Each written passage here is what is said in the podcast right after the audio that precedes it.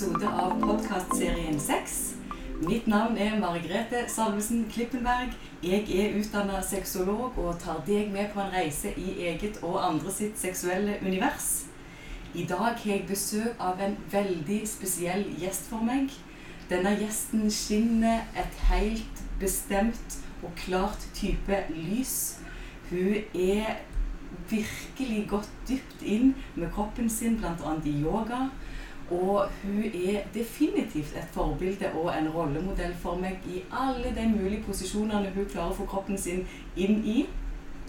Denne dama som jeg har på siden av meg i dag, hun bruker mennesker, så er det nødvendig å både ha en, en god eh, teoretisk bakgrunn, men også en litt mer holistisk, kanskje en alternativ tilgang til mennesker, som du òg har. Mm. Eh, men, men du Silje, du har jo engasjert deg i yoga lenge, og har jo kommet veldig dypt og godt inn i en del posisjoner som jeg gleder meg veldig til å komme der. men fortell litt om yoga, den reisen du har gjort der med yogaen. Eh, jo Jeg har jo dansa hele oppveksten. Mm.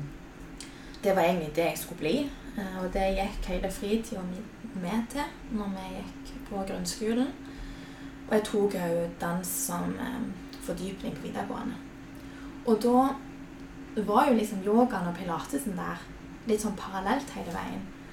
Og jeg syns husker bare, Da brukte vi det ikke så mye. Vi brukte pilates mest. Men da fikk du liksom tilgang til de her yoginiene og yogiene, alle de som eh, holdt på med det. Da husker jeg alltid jeg var veldig tiltrukket til det. Eh, både selvfølgelig for det estetiske. for at sånn, driver med dans og kreative, så jeg har veldig øye for det estetiske. Det er ikke alltid Når jeg gjør de her øvelsene, så er det ikke alltid Og oftest ikke for at jeg skal vise meg sjøl og andre hvor sinnssykt god jeg er. Det er faktisk mer å, å gjøre det der estetiske. Sikkert Istedenfor å male, Mm. så har jeg dansa og utført sånne øvelser. og Jeg får liksom samme gleden som det mange som maler gjør når de lager bilder. Så da, derfor blir det jo veldig sånn Da pointer det og strekker ut, og at det er veldig sånn fokus på linje. Men ikke fordi jeg mener at alle må gjøre det på yogatimene, men, men når jeg jobber med det og kanskje tar bilder av det og driver med det kreativt, så blir jo det veldig sånn utfordrende for meg og stimulerende. da. Så det begynte der. Og så, men så fikk jeg liksom aldri helt tid, for det er jo det her med yogapraksisen. sant? Og det når du er ungdom, så blir du jo veldig oppi det der at det må være alt eller ingenting. I hvert fall min mentalitet. Og kanskje mange sier yogaen kan bli litt sånn du må gjøre det hver dag for å få effekt. Eller eh, du må bli en yogaperson. Du må liksom leve yoga. Og det er klart ingenting galt i det, og for mange er det riktig. Men det, det er ikke et krav for å få lov å holde på med yoga. Men det ble litt sånn for meg da at da hadde ikke jeg tid til det. Så da ble det liksom bare til at eh, jeg så på det og hadde en drøm om å jobbe med det. Eh, Men så ble det liksom ikke noe av. Men så ble jeg syk. Gikk på en smell. og da hadde jeg jo litt tid jeg måtte ha for meg sjøl, der jeg måtte trene meg opp igjen. Jeg måtte finne en måte å bruke meg sjøl på uten at det var så tappende. Og da fikk jeg endelig begynt med yoga. Men da begynte vi det hjemme. Sånn YouTube, eh, DVD-er som vi holdt på med. Holdt på med DVD-er på et tidspunkt. Vi holdt jo på med VHS på et tidspunkt. VHS, men det var ikke det. Åh, nei, og drev på med det hjemme. Mm. Eh, Det gikk en del år før jeg begynte Mm. i klasse Mm. gå sånn. Men, eh, men det funka, det. Ja, jeg syns du sier det så fint ja, at du er, så opp, du er opptatt av det estetiske med det. Og jeg tror det er det som òg gjør ditt lys i yogaen så sterkt. For meg i hvert fall, og sikkert for mange andre. Ja. Fordi at det er så Det er veldig vakkert å se på praksisen din. Eh, og for meg er det ikke heller sånn at en skal prøve å vise seg fram, eller at du skal vise hvor god du er. Det er ikke, det er ikke der i det hele tatt. Men det er vakkert, det du viser gjennom dine bevegelser, og gjennom måten du uttrykker deg på gjennom kroppen din. Så bra. Ja, det, er, det er veldig, det er veldig vakkert eh, for meg, og sikkert Ja. for mange andre. Det er veldig godt å høre, for det, det tenker jeg mye på. Den der fine linja mellom at du gjør det for at du vil gi noe, og inspirere eller bidra med noe, og at man gjør det for å eksponere Mm. seg sjøl. Mm. Og i min bransje eh, så, så er jo det hele veien ei fin linje. Mm. Så, så jeg kjenner jo at jeg, har jo lyst Og nå har det jo blitt en del nå, når vi ikke har vært i jobb, så er det jo blitt mye mer deling. For at det, det blir en måte å være på jobb på. Mm. Eh, og da kjenner jeg jo at det er veldig godt, og jeg føler det er riktig. Og jeg er jo veldig sånn når jeg deler ting på Instagram, om det både er det eller andre ting jeg har delt, så, så skal det være fordi jeg føler veldig sterkt at jeg skal dele det. Jeg sitter ikke sånn hver dag så og nå må jeg finne noe å dele. Det, det får ikke jeg til. Så det føles på en måte rett. Men hvis det da er mange nok dager der jeg er delt, så får jeg plutselig helt sånn hetta om å gå gjennom og se hva jeg har gjort. For da blir jeg redd for at jeg bare gjør det for sånn show-off. Ja, nå har jeg en innrømmelse å komme med her. For jeg, jeg tok et, et screenshot av et bilde av deg her om dagen som jeg har på telefonen min, som jeg da bruker på min sånn der vision board. Eh, fordi at Når en da skal manifestere endringer i sitt eget liv, litt sånn som jeg sa innledningsvis, så er det viktig å ha noe å se opp til. Eh, og Derfor blir det liksom Herregud, her sitter jeg og tar screenshot av Silje sin Instagram. Men jeg tenkte så lenge du har lagt det ut Ja. der, så er det offentlig. Ja, det er jo det. Og jeg er helt rød. Så da kunne jeg bare si det til deg, så vet du i hvert fall om det. Så det ikke blir noe jeg gjør bak ryggen din. Nei. Så vet du litt hva jeg driver med. og- Ja. Hva du driver med? Hva du driver med. Det var jo Det er jo bare veldig hyggelig, da. Men det må være så i kontakt. Altså, Jeg oppfatter jo at du er i veldig god kontakt med din egen kropp. Og at du sannsynligvis er godt integrert både mentalt, kroppslig og spirituelt. Ja. Opp og ned. Opp og ned, ja. Men, men du har i hvert fall en tilgang til det gjennom yogaen. Eh, så, jeg sier jo klart at den, det vil jo selvfølgelig være opp og ned alltid til hvordan du føler deg. Jeg vet jeg bare tuller. ja, men det er. Men du, si litt om altså Jeg er jo sexolog, så jeg er veldig Ja. veldig sånn opptatt av, av sex, selvfølgelig. Veldig sånn opptatt av det. Direkte, faktisk. det. Veldig direkte. Men for det jeg lurer på, da, gjennom yogaen og gjennom den praksisen og kontakten du har med din egen kropp, Mhm. hva gjør det med seksualiteten din og måten du føler seksuell energi? Det er faktisk veldig vanskelig å svare på. ehm, på hvordan jeg føler seksuell energi. Um, jeg tenker her Det er litt sånn sammensatt, for du har jo yogaen og dans. Mm. eh, som jeg har jo holdt på med kroppskontroll og fysiske ting siden jeg var ti. Sånn at eh, det har jo selvfølgelig bidratt til at jeg kjenner kroppen min og er i kontakt med den, og hva som funker og ikke. Eh, men så har du òg det aspektet med at jeg òg har vært syk. Mm. Og da òg blir det jo veldig kontakt med seg sjøl. Mm. Kjenne etter hvor mine grenser er henne, hva som er bra for meg, hva som er negativt for meg. Eh, og det eh, gjelder jo da på alle plan. Det er rart hvordan det er sant? når du da må jobbe på noe, med noe på ett punkt. Jeg har måttet jobbe med det generelt, sant? Altså i forhold til folk, i forhold til aktivitetsnivå og sånn. Så sprer jo det seg til alle aspektene. Og det har jo òg da kommet til det seksuelle. Altså til at jeg er blitt mer i kontakt med hva som er greit og ikke. Mm. Hva tid og ikke. Mm. Um, hva type ting. Mm. Altså sånn at det å ha jobbet med meg sjøl generelt har smitta over på alle områdene, og da òg det seksuelle. Så det òg har vært veldig viktig for den seksuelle beden. Det er den jeg er veldig bevisst på. Jeg tenker litt sånn For min egen del, i min egen yogapraksis, så er mye av det eh, Det handler for meg mye om det å komme og være i kontakt med min egen energi. Mm. Eh, og det med å forstå min egen lyst. Det med å komme i dypere kontakt med min egen lyst og min egen kropp og hvor jeg er henne. Eh, hva, hva er dine refleksjoner rundt det? Er det noe som du har merka gjennom din yogapraksis? Der tror jeg Det er ikke for å snakke om sykdom hele veien, men her tror jeg det er litt viktig. For dette, parallelt sant, med at jeg begynte med den yogaen, så, så ble jeg jo syk. Og har vært nødt til å jobbe med mine energier og det du snakker om der, på, på alle områder. Liksom, Mm. ikke, eh, og òg gjennom å ha snakket med noen og ha tenkt gjennom ting og vært i dialog med andre mennesker rundt meg. Sånn at jeg er liksom Det er ikke konkret yogaen som åpner opp det for meg alene. Mm. Men det er klart jeg har jo vært med i det. Men det er sikkert derfor jeg ikke konkret liksom kan si Mm. nå at det har bidratt mye til det. For det, har nok bidratt eh, litt ubevisst på grunn av at jeg har vært i en sånn en prosess Mm. med hele meg i alt det jeg har gjort. Det, når jeg ble syk, så ble jo det veldig altoppslukende en periode. Sant? Så da jobbet du med det på alle felt. Mm. Så det er nok derfor jeg ikke kan Mm. svare på at jeg har kjent på den sensuelle biten Mm. i yogaen. Du, beskriver jo her at du, du er altså, kronisk syk. Mm.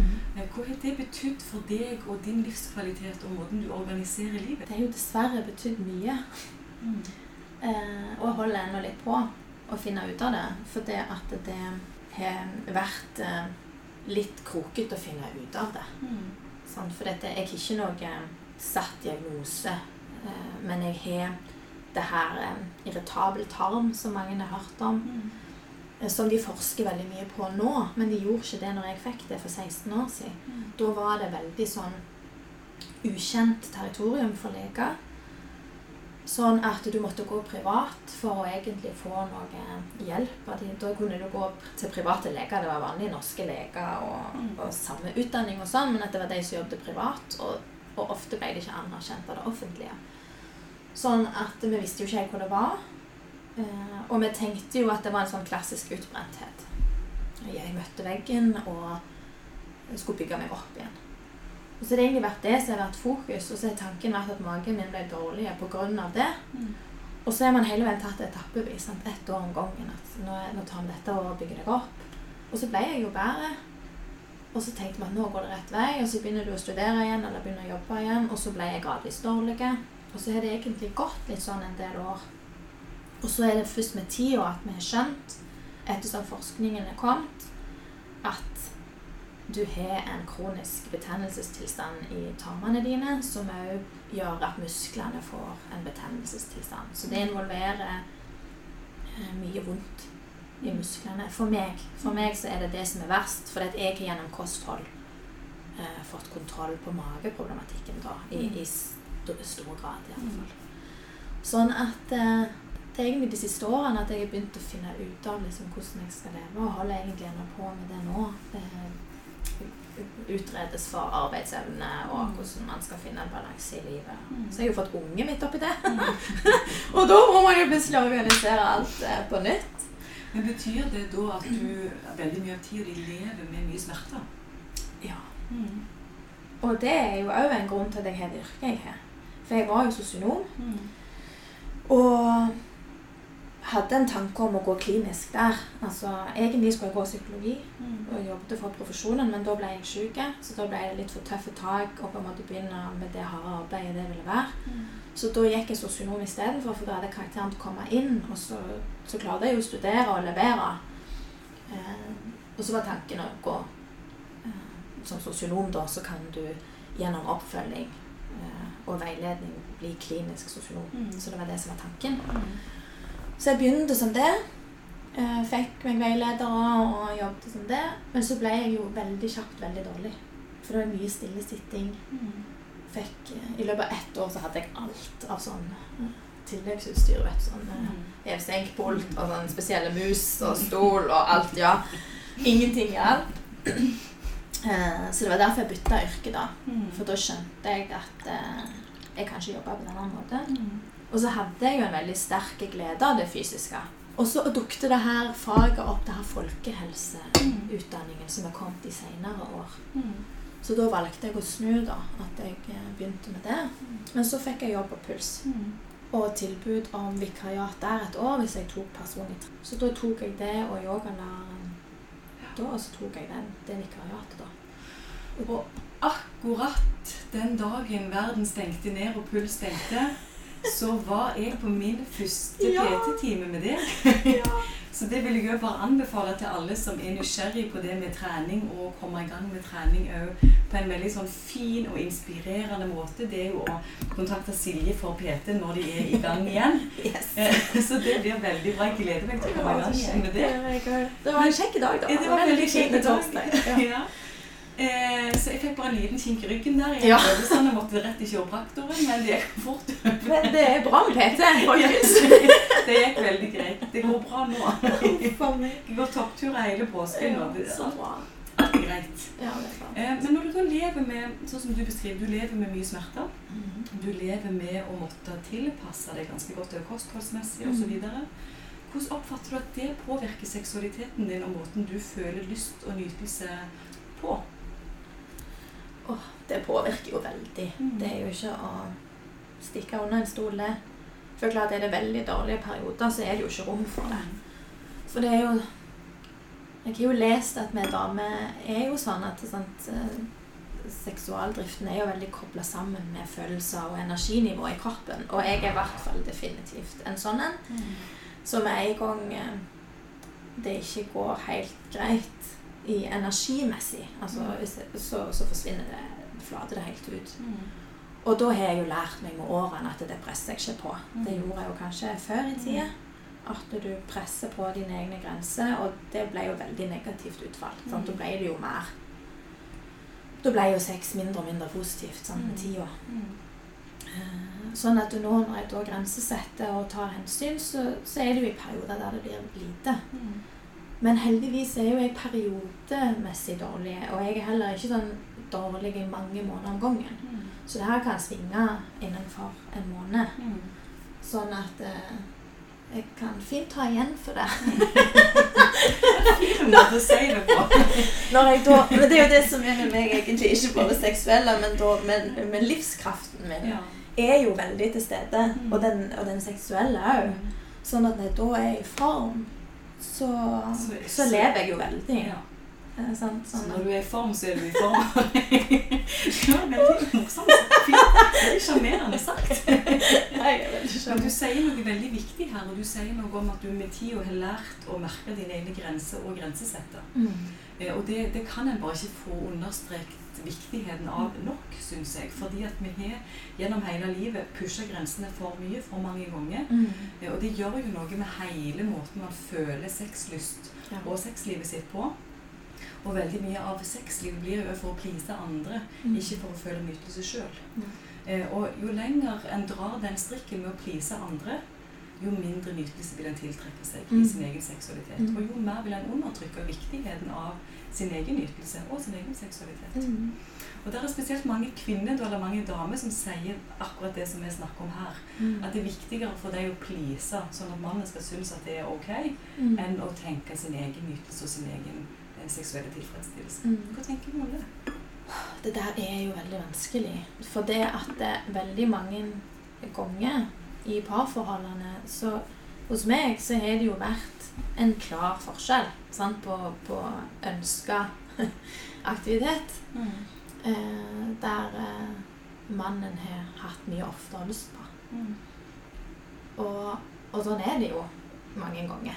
Og da har det blitt vanskelig, sant? for for hver gang du da må si at du ikke orker, Mm. så i hvert fall jeg syns det har vært vanskelig. Mm. At jeg kanskje ikke har problemer med å si at jeg ikke orker. Men hvis du da går et sånt intervall, så du merker at distansen mellom deg og partneren din liksom øker mer og mer, og du begynner å legge merke til sjøl at det er gått en stund, Mm. Så er jo, er jo ikke det noe kjekt for en sjøl heller. Mm. Sånn at det, det syns jeg kan være vanskelig ennå. Mm.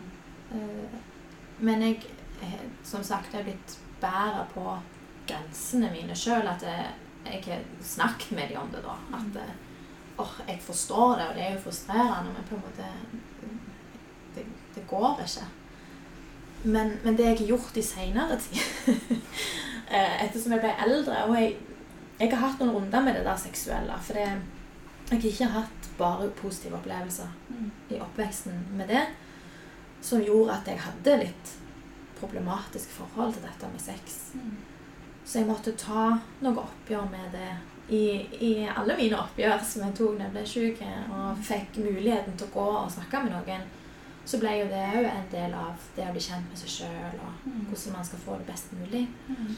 Og da har jeg med tida funnet ut at eh, jeg grensesetter veldig, og det kan gå perioder der det er lite, men at jeg faktisk i større grad Og det her sier jeg ikke at alle skal gjøre, men det er det som er blitt riktig for meg. Og at jeg tok, tok noen runder med meg sjøl på hva er det som er behagelig for meg å gi, da. Mm. Eh, Så det, det er mange ganger da i de periodene der jeg har vært dårlig, der jeg kanskje har gitt noe Mm. uten at det har involvert meg så veldig mye. Men det har vært innenfor mine rammer, da, der, Mm. som ikke har vært negativt for min kropp. Mm. Så det har jeg gjort mer i eldre Mm. tider. Mm. At jeg eh, Det har nok blitt eh, kortere intervaller mellom seksuell samhandling med partnerne mine. Men da har det i perioder vært at jeg har stimulert deg i den formen som jeg syns er ålreit. Ja, er så bra at du sier det på den måten at du òg eh, legger til at det er i forhold til den formen du òg syns Ja, er greit. Det er ennå innenfor mine Ja. grenser. Mm. Eh, for det at det, det må nesten Jeg er nok sånn i livet med mye at ingen skal påføre andre ubehag. Mm. Så når det er snakk om en som vil noe, og en som ikke vil noe, om det er seksuelt eller jobb, eller, så mener jeg at den ingen har rett til å tvinge noen inn i noe ubehagelig. noe. Eh, Så dessverre, eller i anførselstegn egentlig ikke, Mm. så, så må den som har det ubehaget eller den negative følelsen, den må få lov å, å styre litt i den perioden. For da vil det fortere ikke være Mm. ubehagelig, eller du kan finne løsninger. da. Liksom det med press og det med å få noen til å gjøre noe som er negativt for en, det vet vi jo psykologisk at det er jo ikke rette veien å gå for noe positiv utvikling i det hele. Nei, og der sier du Du punkterer noe veldig viktig med at den som da setter grenser, eller er behov for å Mm. sette grenser, må faktisk få lov å styre prosessen. Eh, og hvis det er sånn at det over veldig lang tid, kanskje til og med over mange år, vil være sånn at en står veldig langt ifra hverandre, så må en jo kanskje begynne å redefinere litt premissene for Ja. hva verdier som en skal ha i parforholdet. Mm. For det med sex er jo ikke heller en veldig viktig verdi for alle i et parforhold. Nei. Så det må være mer bevisst på det kanskje før en går inn i parforhold Mm. nå framover. Spesielt nå er vi jo godt voksne etter hvert og Ja. kan ta mer bevisste valg i forhold til hvem vi ønsker å Mm. dele oss selv seksuelt med, eller hvem vi ønsker å dele livet vårt med. Mm. Og det må avklare det helt i starten. Hvor viktig er det for deg?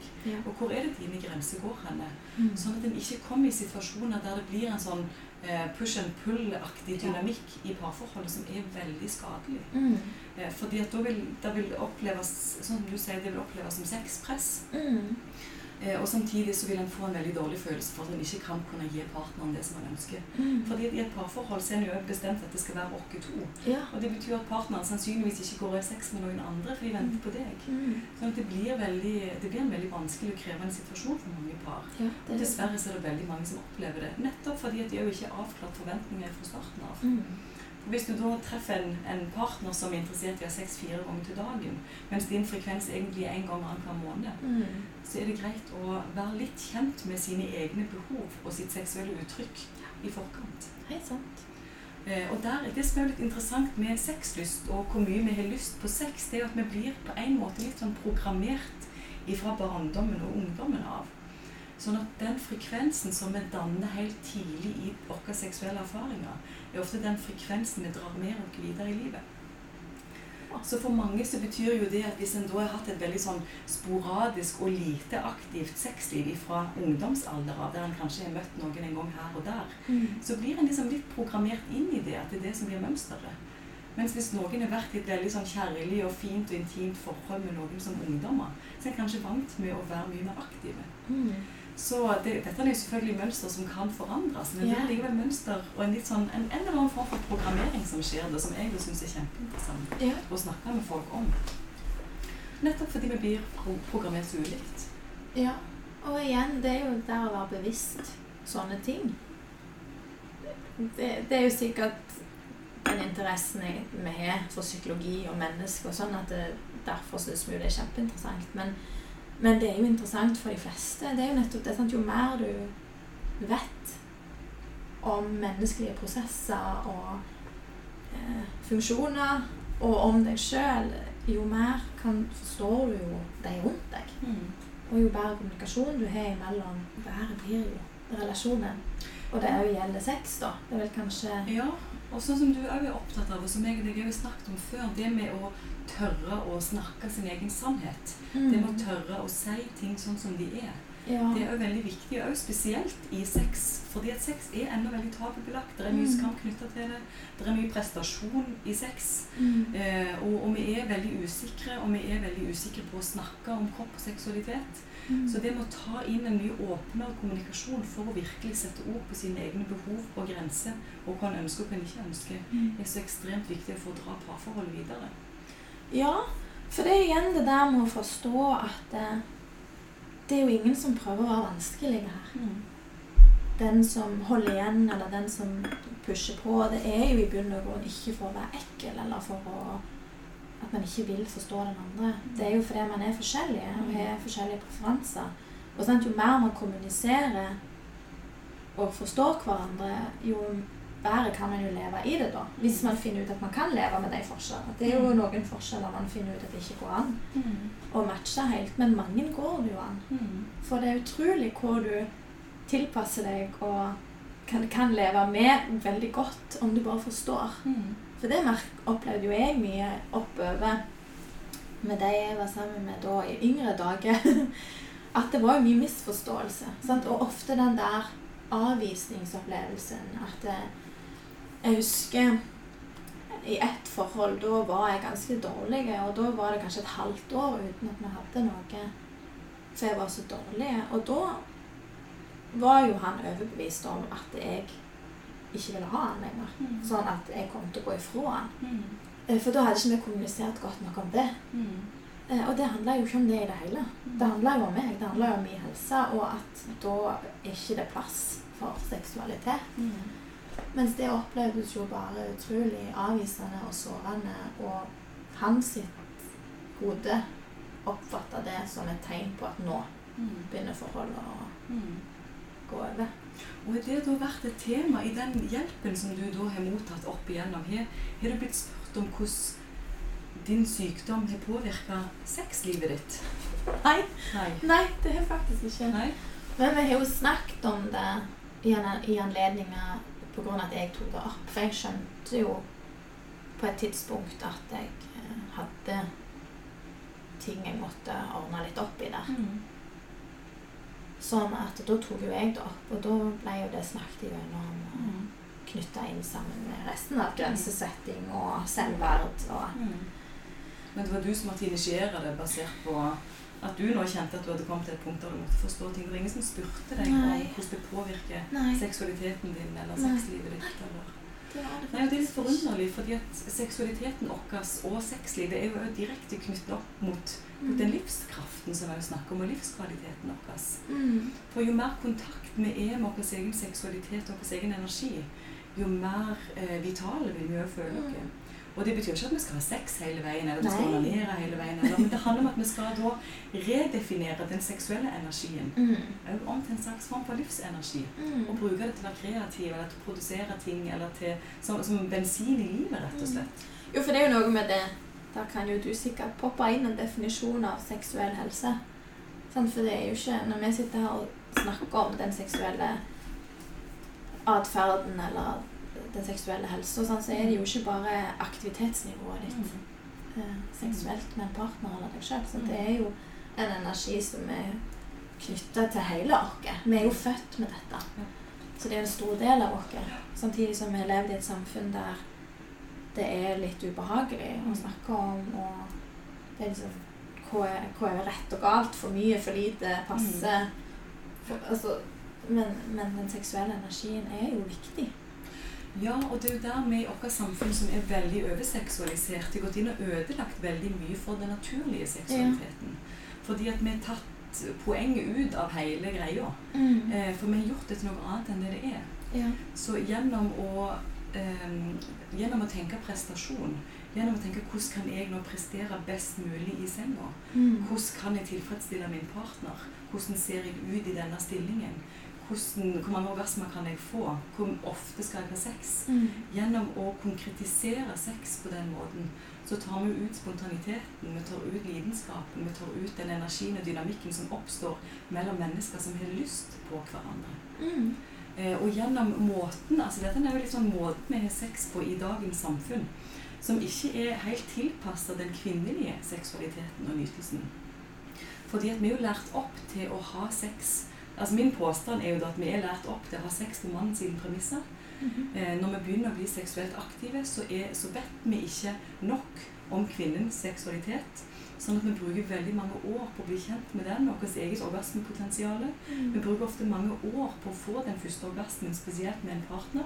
Vi er kanskje onanert helt ifra vi var små, helt ifra vi var barn, og fått en følelse av orgasme uten at vi forsto hva det var for noe. Ja.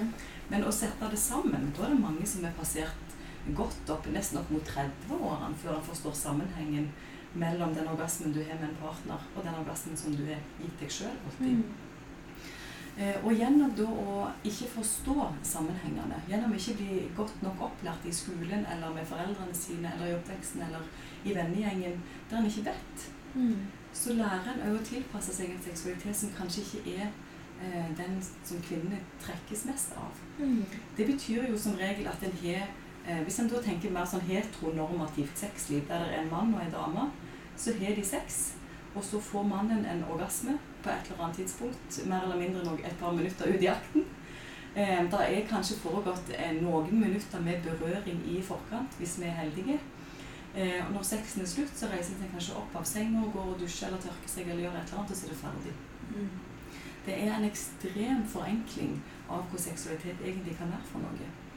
Eh, fordi at Det er jo mange som påstår at en kvinne trenger rundt kanskje 40 minutter på å bli oppvarma kroppslig før hun skal være klar for å kunne motta penetrering, f.eks. For eksempel. Mm. fordi at det å få noe inn i seg på den måten, det å få en penis inn i vaginaen, det er jo et ekstremt stort steg som vi tar altfor lett på. Og som vi slipper folk for lett til, rett og slett. Med å ikke være klar for det. Mm. Fordi at vi kobler ikke kroppen på, vi kobler ikke pusten på, vi kobler ikke på sensasjonene i kroppen, vi føler ikke ting lenger. Vi er mer oppe i hodet og tenker 'hvordan ser jeg ut', 'hvordan er denne stillingen', 'hvordan skal jeg sitte her'? Altså det er, Vi er helt på kjøret, syns jeg, når vi tenker sex i dagens samfunn. Hva tenker du når jeg snakker nå? Nå ble jeg veldig Ja, jeg snakket. syns det er bra du snakker. Det er viktige ting. Så jeg syns det er fint. Ja. Mm.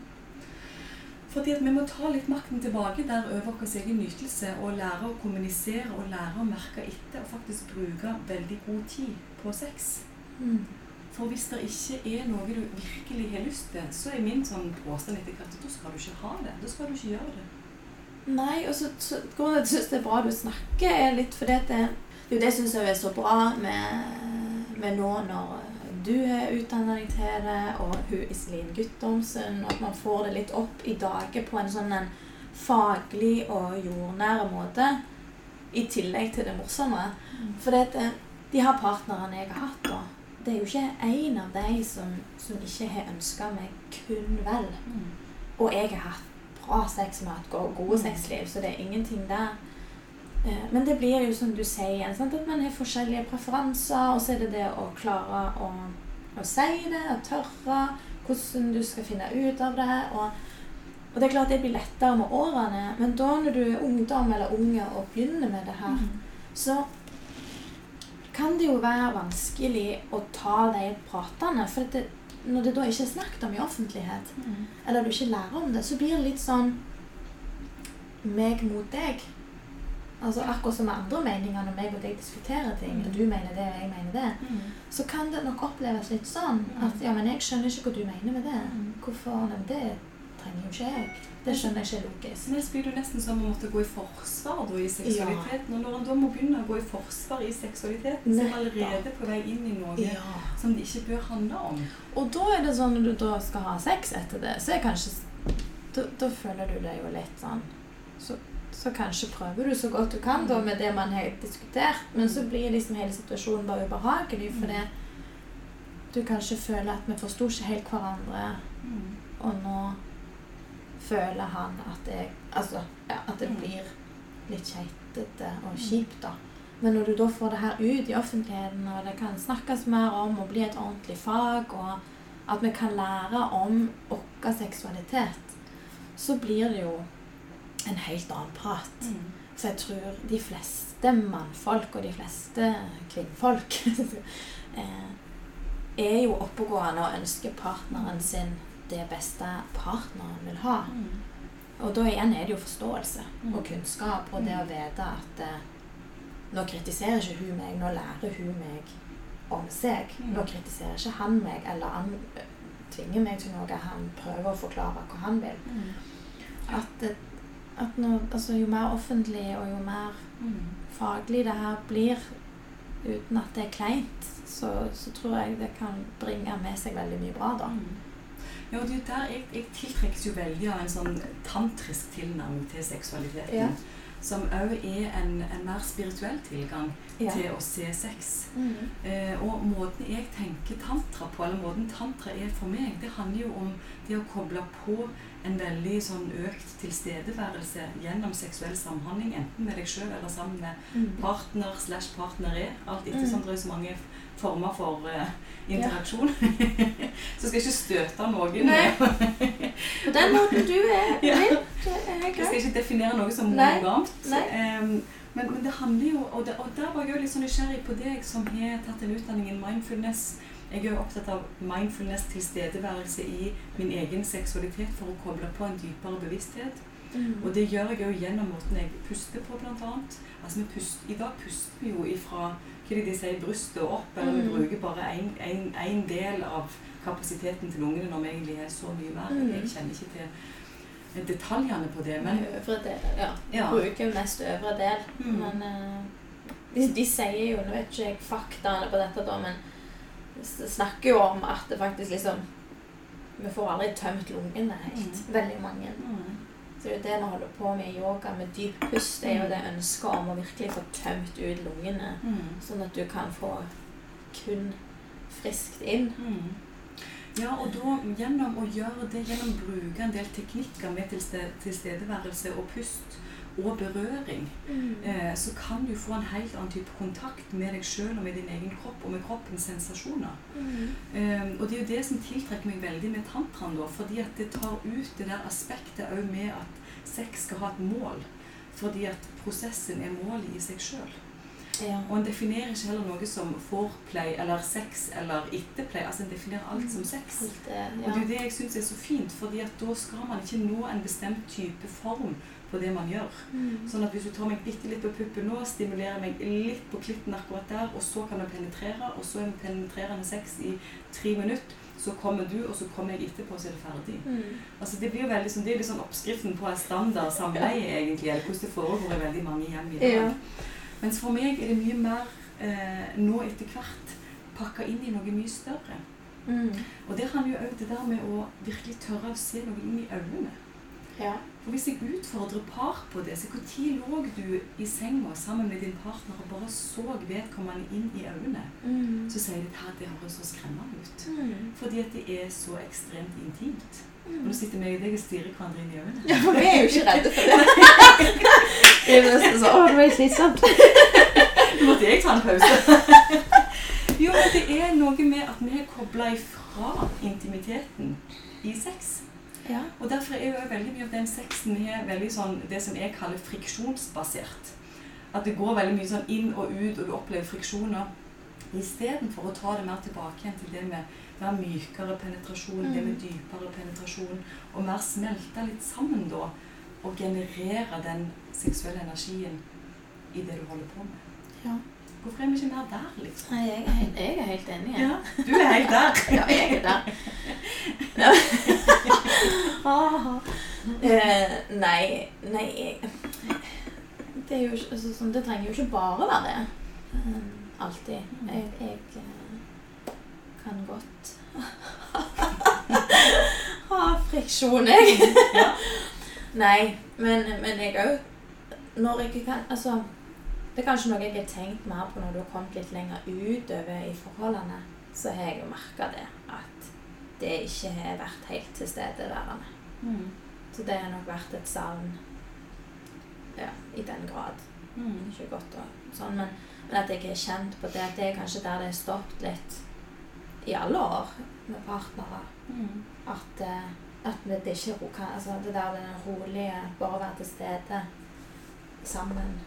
At det er blitt mer intimt. Mm. Eh, Det, det er det lite av. Ja, for, for min påstand etter hvert er jo at i dagens samfunn så det er nesten enklere for oss å ligge med noen enn å bli nær noen. Vi snakket om det her med venninnen min en dag, så, så Ja. sa jeg det for meg nå. Der jeg er nå, jeg er singel, jeg jeg er ikke i et parforhold med noen. Men hvis jeg skulle ha møtt en ny fyr nå, Mm.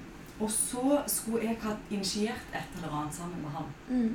så er nesten sånn at det hadde vært enklere for meg å skrive en melding og sagt eh, trenger, du en, trenger du en elskerinne? Ja. For da har jeg en vare på en måte som jeg kan bytte inn i Ja. et eller annet. Ja. Enn å vise en interesse for noen. For da risikerer en mye mer å bli avvist på hvem en er som person. Så det er bare litt interessant hvor vi er hen i dag. Så jeg har tatt litt, den litt tilbake. Jeg tenkte at nå skal jeg, jeg skal være så sparsommelig med hvem jeg deler meg sjøl seksuelt med framover. Mm. Fordi at det skal virkelig føles som en kontakt mellom meg og det andre mennesket som jeg skal dele meg med. Ja, det skjønner jeg veldig godt. Men der igjen blir det jo som du sier, det, det er jo ikke noe Jeg skal jo ikke blande meg opp i hva andre gjør, og det er jo, det er jo mange måter å leve livet sitt på. sant? Men det der du sier du jobber deg litt mot nå, der er nok der jeg er. Mm. Jeg kan godt, og kanskje ofte etter forhold har blitt avbrutt, Mm. så har jeg kanskje hatt et par sånne Mm.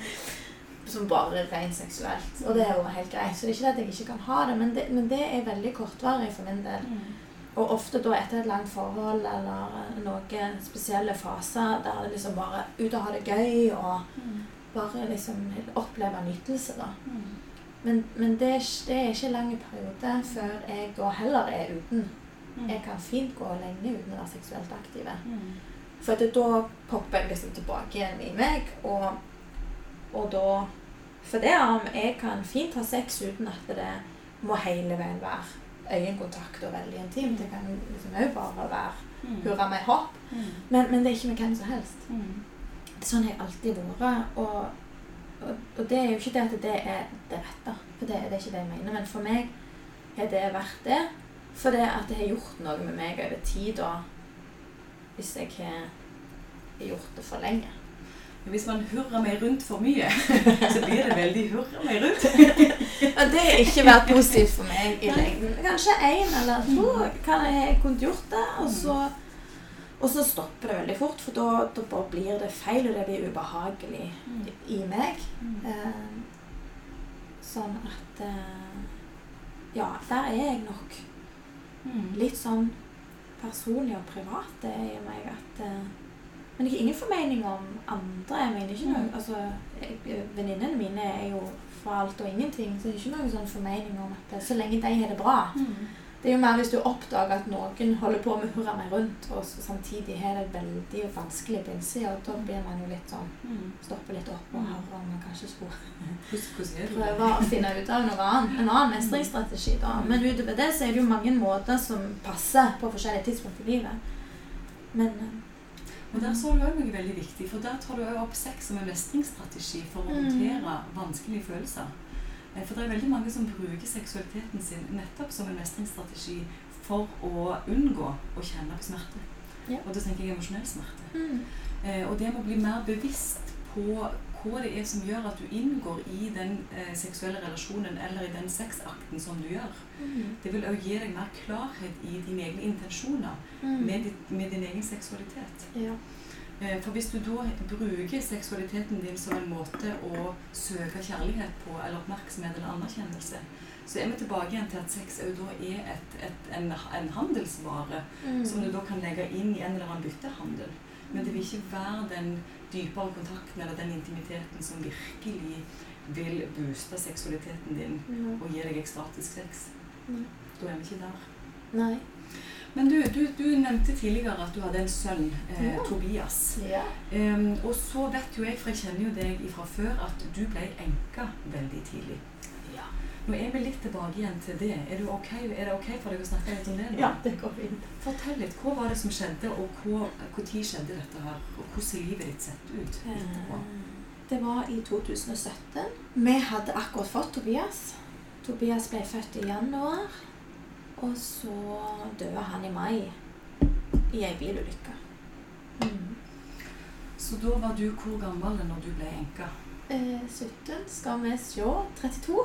Du var 32 år når du ble enka og Ja. hadde en baby på et par måneder gammel som dere akkurat hadde fått. Tre og en halv måned var han. Tre og en halv måneder.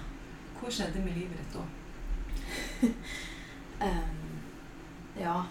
Nei, hva skjedde da? Det ble jo kaos. Mm. Det ble jo det.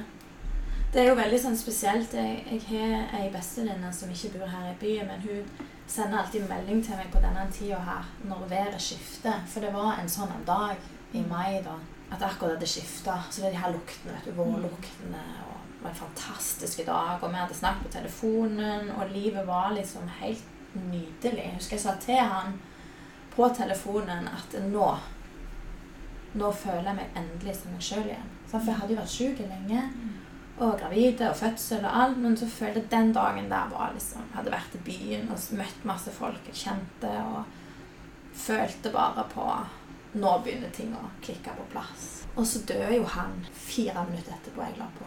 Mm. Og da var jo ikke akkurat ting falt på plass lenger. Så da Nei, det blir jo Vi gikk jo i sjokk alle, vet du. Og jeg ammet jo. Og eh, når du ammer, så får du de her oksytocinhormonene. Og de doper deg jo litt. Alle som er i ammetog, og jeg, ja, vi er jo allerede i en litt sånn egen verden. Så det, det Jeg hadde jo den oppå alt. Så det, det ble en veldig merkelig tilstand, men det tenker jeg jo det ville ha vært uansett. Det er jo et sjokk, så kroppen blir jo i en egen tilstand da. Så det ble egentlig bare rotete og kaos. Og han døde, og jeg hadde jo samtidig en baby som jeg da var alene til å passe på. Så du må jo egentlig gå imot det kroppen Du må jo velge, to, du må velge en av to gater. Det er jo enten å knekke sammen, eller så må du jo fortsette å ta vare på det barnet. Og de fleste velger jo å ta vare på det barnet. Veldig, veldig rart år. Eller rare år. Ja. Så det første året var jo bare veldig rart. For alt fokus gikk jo på meg og Tobias og det å overleve, egentlig. Så det første året ble veldig sånn eh, aktivt. Ikke sånn Jeg var hele veien Jeg begynte hos psykolog veldig tidlig, for det var det første jeg sa. At eh, jeg må bare finne meg en god psykolog, noen jeg kan gå og prate med. For dette, her er det for mange faktorer på en gang. Sånn at eh, jeg må bare passe på at noen følger med på at jeg gjør dette sunt. Jeg var jo til stede, det var ikke noe fare, men, men sånn, du kan lett undertrykke for mye og sulle for mye, og så krasjer du på et tidspunkt. Og det, kunne, det var jo ikke noe alternativ. Det, det ble jo veldig pragmatisk når jeg hadde en baby. Sånn at eh, hvordan det hadde vært hvis det ikke var en baby, det kan jo være annerledes. Men da ble hjernen min veldig pragmatiker. Jeg må ha en psykolog, jeg må gjøre det sånn, jeg må legge det opp på den måten, jeg må ha folk rundt meg, jeg må ha noe kjekt å gjøre. Fa- Fagpersonen kom fram og satte opp et behandlingsopplegg. Så første året var veldig sånn sjokkblanda og konkret. Finne gode ting å gjøre. Begynte å danse igjen, begynte å synge. Eh, puste opp litt. Eh, og tok vare på Tobias. Liksom finne glede andre plasser. Hvordan er det da å finne livskvalitet når du er i så dyp sorg som du jo da er å miste mannen sin? Nå hadde jo jeg eh, gått gjennom litt ting fra før i forhold til at jeg var syk. Sånn at da måtte jeg jo veldig innfinne meg med at livet ikke blir som du planlegger. Du kan ikke alltid bestemme alt. Du må finne glede der det er. Altså, og jeg har opplevd et dødsfall eh, av, et, av ei søster da jeg var liten. Sånn at eh, jeg hadde på en måte litt sånn fysisk kunnskap fra før i hvordan jeg på en måte skulle eh, deale med det. Så jeg merka det var mye automatikk i at hjernen min var veldig sånn Jeg brukte alle teknikkene fra mindfulness som jeg kunne. kunne. Det bare sånn Det bare altså, Og det gikk på automatikk. Så der merka jeg jo veldig fordeler av faget mitt og tidligere erfaringer. At hjernen min visste hva den skulle gjøre. Så mye pusting, mye fokus. Altså det der med å lete etter de tingene jeg var takknemlig for. Det er veldig inspirerende å høre. for Jeg kan jo bare merke selv hvis jeg, hvis jeg går igjennom noe som er veldig vanskelig. Så, jeg kan, så For meg er det så vanskelig å finne de verktøyene. da Jeg finner de ikke. Jeg vet ikke hva jeg skal gjøre. Eller så driter jeg bare i det. tenker jeg gidder ikke forholde meg til. Jeg vet hva jeg skal gjøre, men jeg overstyrer og gidder ikke. på en måte. Jeg blir bare liggende eller gjør ikke et eller annet. Hva er det som gjør at du klarer å hente fram verk, verktøyene dine så godt for å styre deg gjennom det på den måten? Jeg synes det det er veldig motiverende det du sier der. Ja, takk. um, nei, hva som driver det fram, det Jeg tror det har litt med at vi har ikke hatt et rett fram i liv i min familie. Sånn at vi har hele, trent parallelt hele veien på hvordan skal vi leve sykt bra. Til tross for at det er mange ting som ikke er helt sånn som vi hadde håpet det skulle være. Mm. Og når jeg da ble syk og begynte å, å, jobbe med disse tingene mer konkret, så, så, fikk jeg det liksom inkorporert i min livsstil. Og jeg hadde det jo allerede med meg før han døde. At, for jeg, var, jeg levde jo med denne tilstanden i kroppen. Så jeg gjorde jo dette hver dag. Finne ting å være takknemlig for. Finne ting og jeg kunne gjøre fokus på det jeg kunne istedenfor fokus på det jeg ikke kunne. Fokus på det som var bra istedenfor det som ikke var det hadde jeg mått. Det var min livsstil. Jeg tror det var derfor det kom så automatisk når Eivind døde. Det er jo ikke sagt at det må være sånn. Sant? Det kan jo trenes opp. Mm. Men derfor kom det nok automatisk mm.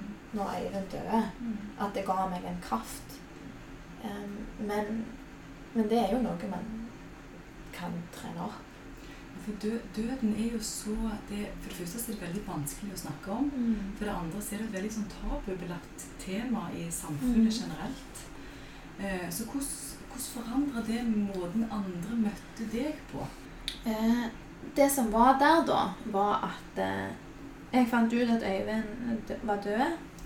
Og et av de første tingene jeg tenkte da, var at her må jeg gå ut og snakke om dette sjøl.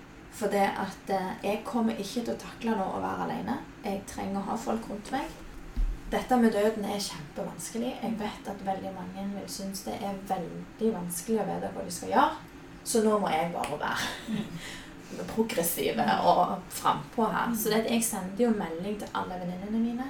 Fortalte hvordan det hadde skjedd, og fortalte at de ikke måtte være redd for å ta kontakt. At jeg trengte at de tok kontakt. Mm. Og har jo òg vært veldig offentlige på mine kontoer eh, om døden og denne situasjonen. Mm.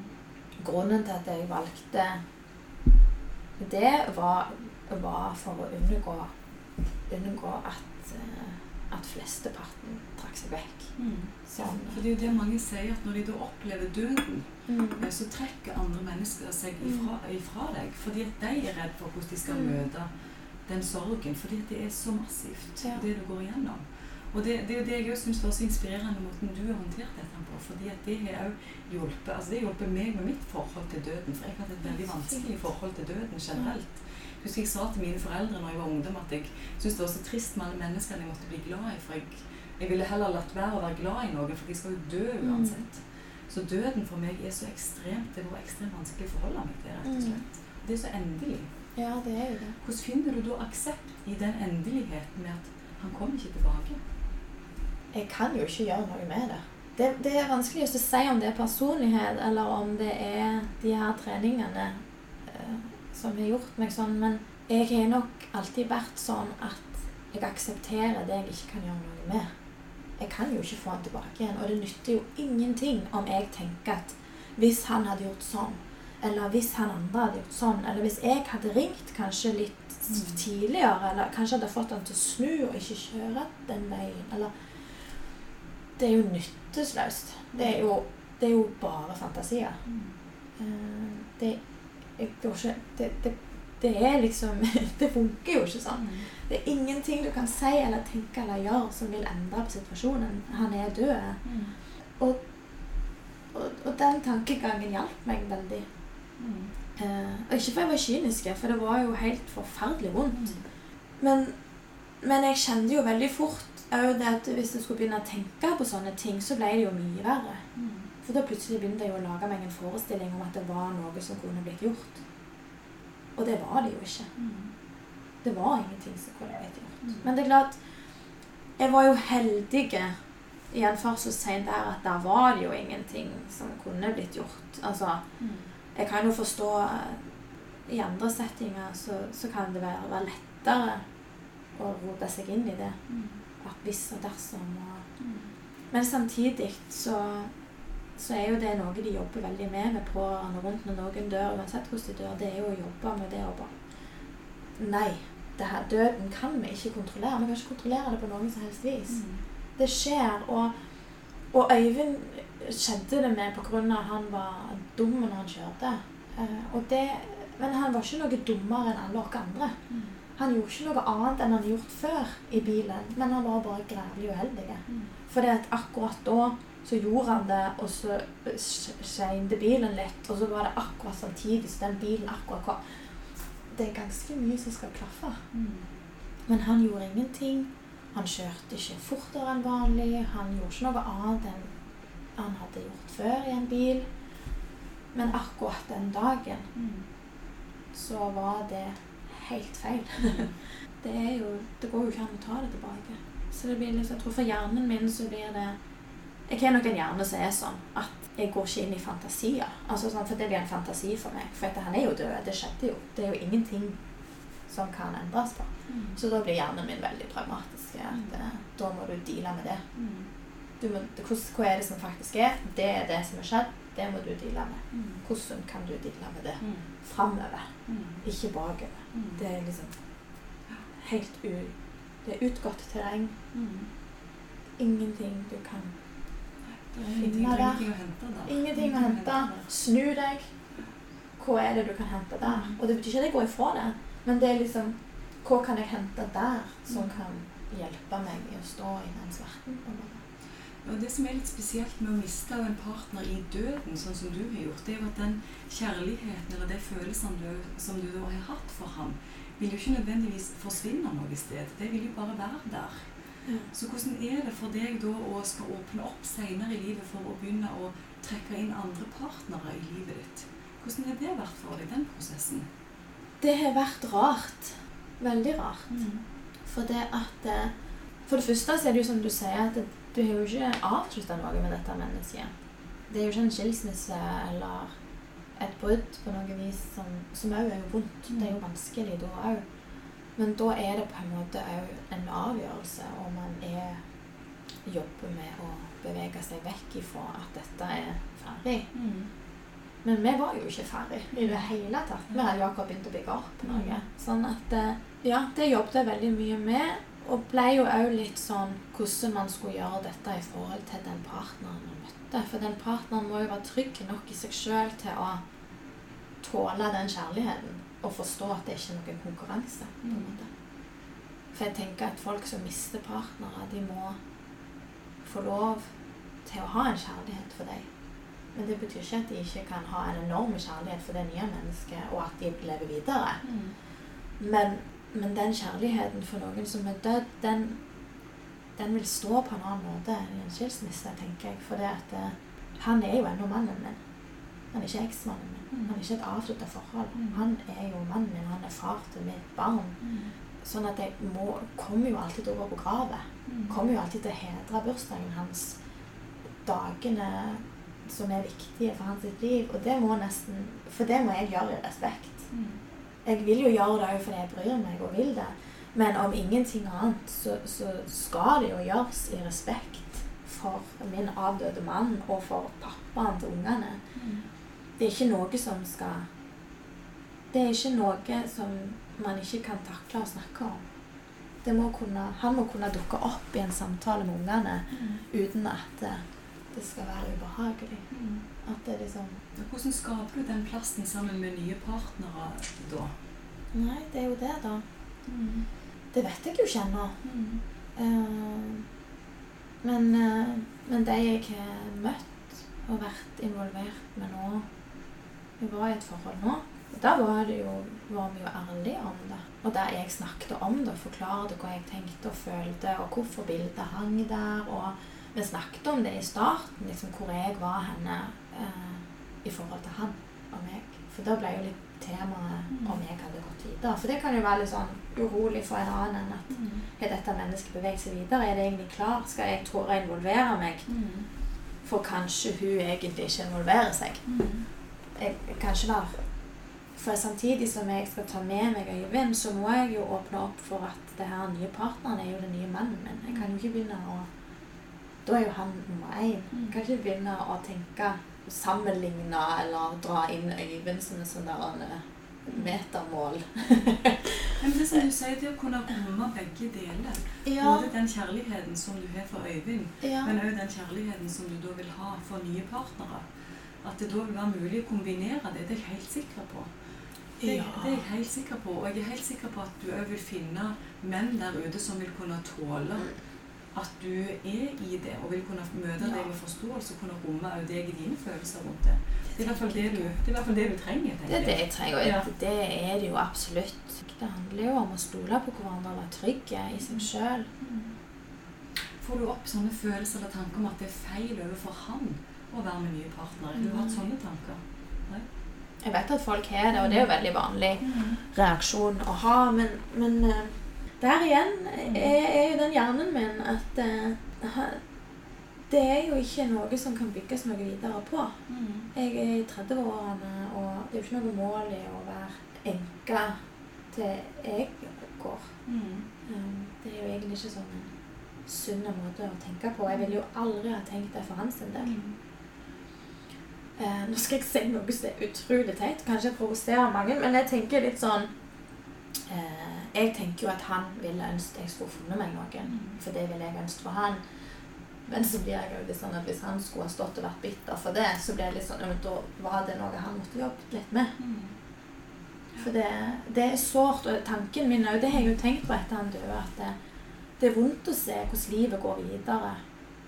Og, og folk går videre etter folk dør. Det er kjempevondt. Og tanken på å dø sjøl òg og gå glipp av alt det jeg skal gå glipp av, det er en forferdelig tanke. Eh, men, men samtidig så ville jo jeg aldri ha sagt og tenkt at Øyvind da skulle være alene resten. For dette, jeg er jo død.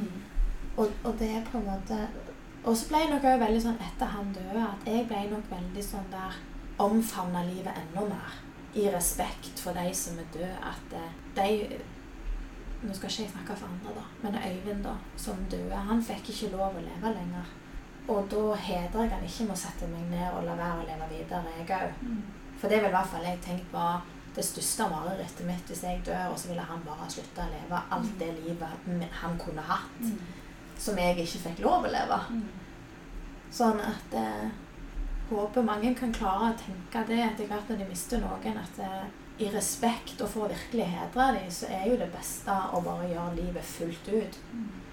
På alle mulige måter. Verdsette alle du har rundt deg. Vær takknemlig for ungen din, for ungene dine, for vennene dine, for nye partnere, eller Men virkelig sånn, Nå ble det klisjé, men det er veldig viktig for meg at de som da mister muligheten, det er jo veldig vondt da at det òg skal bidra til at mange andre mister sitt. Når de egentlig kunne ha levd utrolige liv etterpå. Ja, og Måten du snakker på nå, jo, er jo grunnen for at jeg introduserte deg som et veldig sterkt lys i introen her til denne podkasten i dag. Fordi at du snakker ut ifra kjærlighet. Og du ser ut ifra kjærlighet, og du bruker kjærlighet som et utgangspunkt Mm. for hva du ønsker på vegne av andre. Du bruker ikke frykt eller kontroll. Du ønsker ikke å kontrollere andre sine liv eller hvordan de skulle levd videre uten deg. Du ser det med kjærlighet, og du ser det med lys. Eh, og det er jo det som er så fint med akkurat deg, syns jeg. Eh, fordi at det er nettopp det så jeg, jeg ser det jo selvfølgelig på helt samme måte sjøl. Eh, og det med å òg tørre å si det, og være så åpen om det, og være så klar på det du sier, tror jeg har vært veldig god hjelp for andre som er i lignende situasjoner. Fordi at vi er nødt for å Det, det er kun kjærlighet som er veien fram. Det er ikke noen andre alternativer.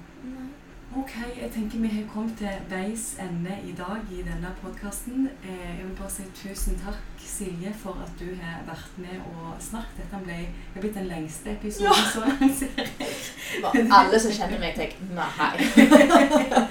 Beklager, alle sammen. Det var kjekt for oss to. Ja, vi har hatt det veldig trivelig her. Vi sitter med stearinlys i sol og kikker ut på lundårene. tusen takk for i dag, og så på gjensyn et eller annet sted en eller annen plass. Ha det bra. Ha det.